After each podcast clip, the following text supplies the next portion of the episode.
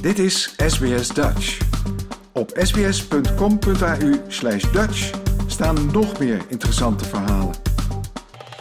Ja, Nina, jij zit weer helemaal in het podcastwereldje, hè? want je bent terug in Nederland.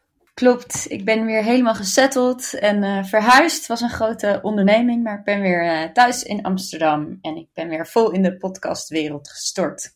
Ja, nou, uh, ik verwacht nu nog meer van je. Nu zit je er nog meer bovenop natuurlijk.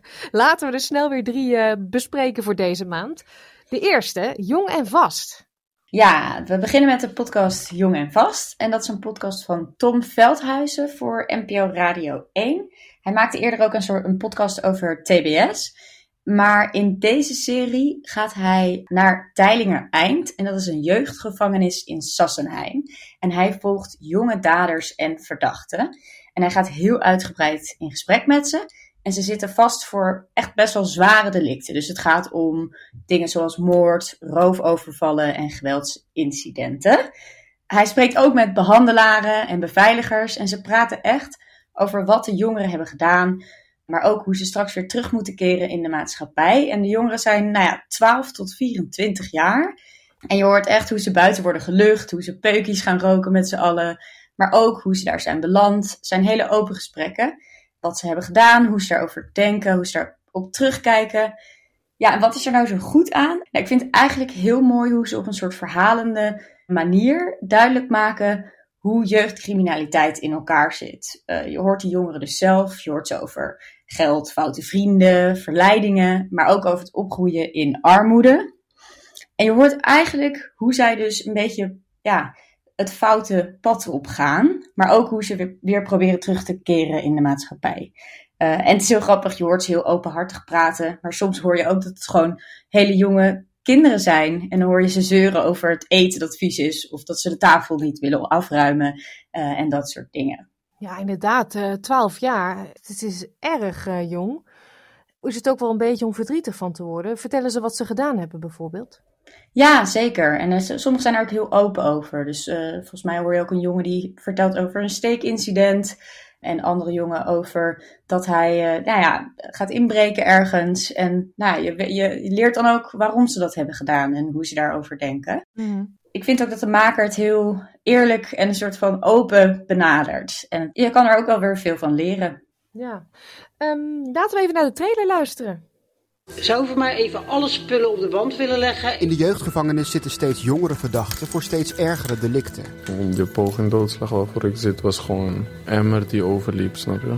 Ik was gewoon boos. Ik ben Tom Veldhuizen en kreeg de unieke kans om weken mee te lopen in jeugdinstelling Teilinger Eind. We eten nu zalm, maar we eten nooit zalm. Ik eet elke dag rijst met bruine bonen. Sommige jongens uh, kunnen wel eens uh, uit hun palaat gaan, om het rustig te zeggen. Welke jongeren zitten daar? We eten normaal met, we geven een bordje of zijn geen gekken die mensen voor de lol pijn doen. Hoe zorg je ervoor dat ze straks iets van hun leven kunnen maken?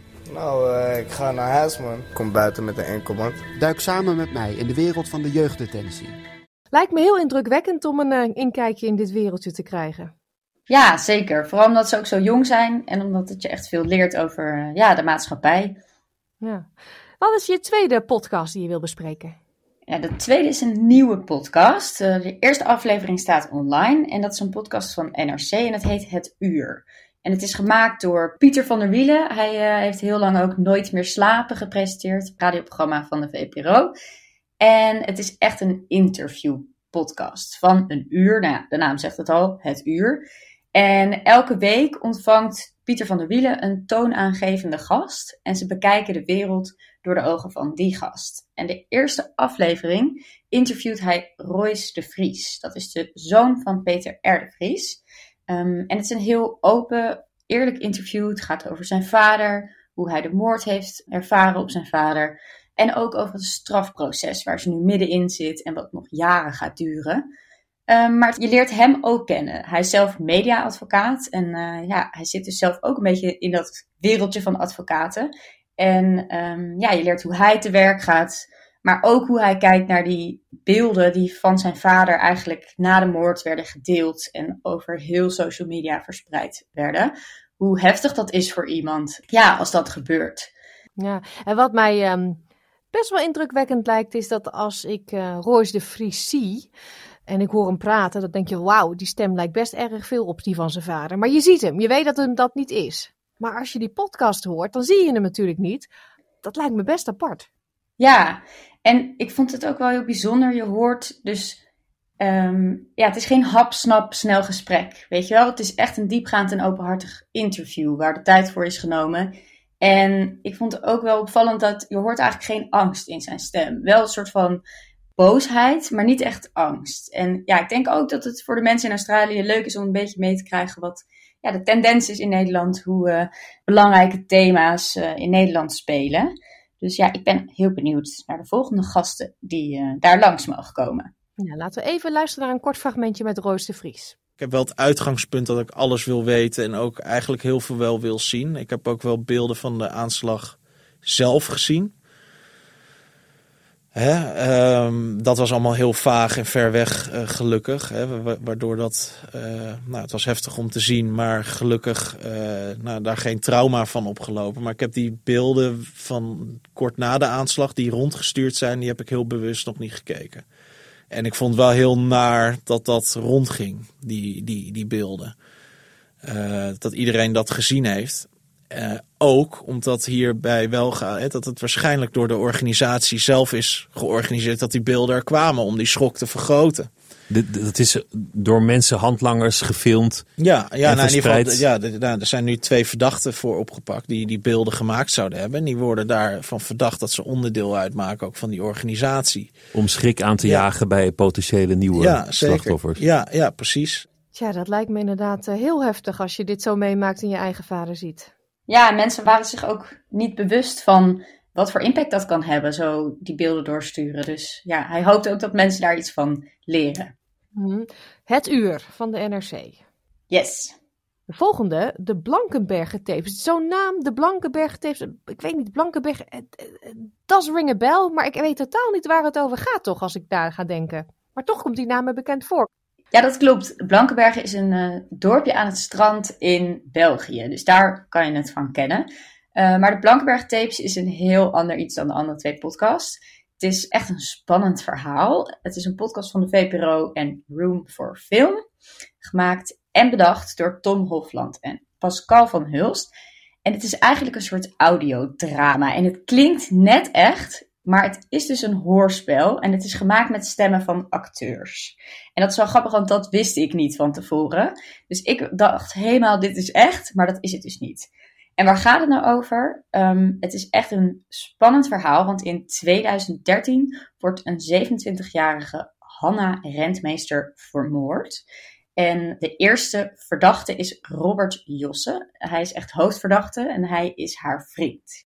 En dan blijkt hij van de aardbodem te zijn verdwenen. En stukje bij beetje wordt er een link gelegd met een andere moordzaak die tien jaar daarvoor plaatsvond. En nou ja, je hoort dus helemaal hoe dat ontwikkelt en uh, ja, of ze hem vinden of niet. Het is echt super mooi gemaakt, echt een soort hoorspel. Um, nou ja, als je zin hebt in een soort spannend verhaal, dan zou ik deze zeker luisteren. Het hoorspel, is dat dan um, wat er gebeurde tussen uh, Hanna en haar vriend? Of hoor je de rechercheurs? Of is het een mix van alles? Een beetje een mix van alles. En ik heb ook een interview gelezen met de makers. En wat dus grappig is, zij hebben de acteurs laten improviseren.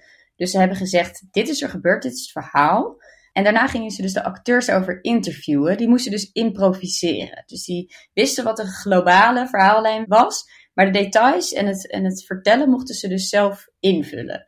Maar daardoor klinkt het dus net echt. Ja, alsof ze echt aan het praten zijn. En je hoort dus getuigen, je hoort de rechercheurs, je hoort de politie, de vriendinnen van Hanna Rentmeester. En het is echt heel mooi in elkaar gezet. Dus ja, heel spannend. Ik, uh, voor een goede autorit zou ik deze zeker aanraden.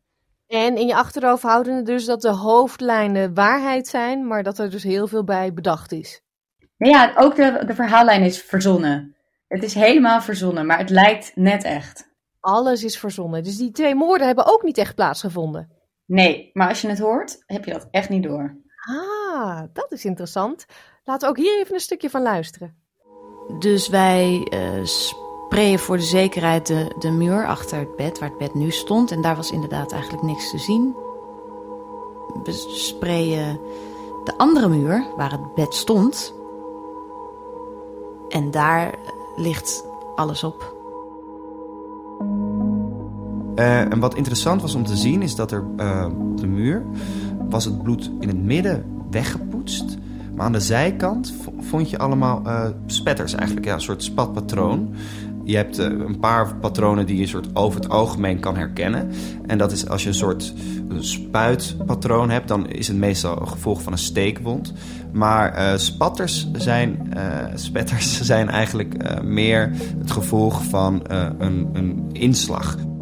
Nou, dat klinkt inderdaad al heel anders dan anders tot we tot nu toe hebben besproken. Ja, echt een audiodrama. Bijna een soort uh, Netflix-serie, alleen dan in audio. Ja. Hebben we weer drie mooie podcasts om op het lijstje bij te schrijven. Zullen we ze nog één keer allemaal herhalen qua titel? Ja, de eerste was Jong en Vast, over de jongeren die vastzitten voor zware delicten. De tweede is Het Uur, een uur lang diepgaand interview uh, met toonaangevende gasten. En de derde is het audiodrama De Blanke Bergen Tapes. Dankjewel Nina. Graag gedaan. Wil je nog meer soortgelijke verhalen? Luister via Apple Podcasts, Google Podcasts, Spotify of waar je je podcasts dan ook vandaan haalt.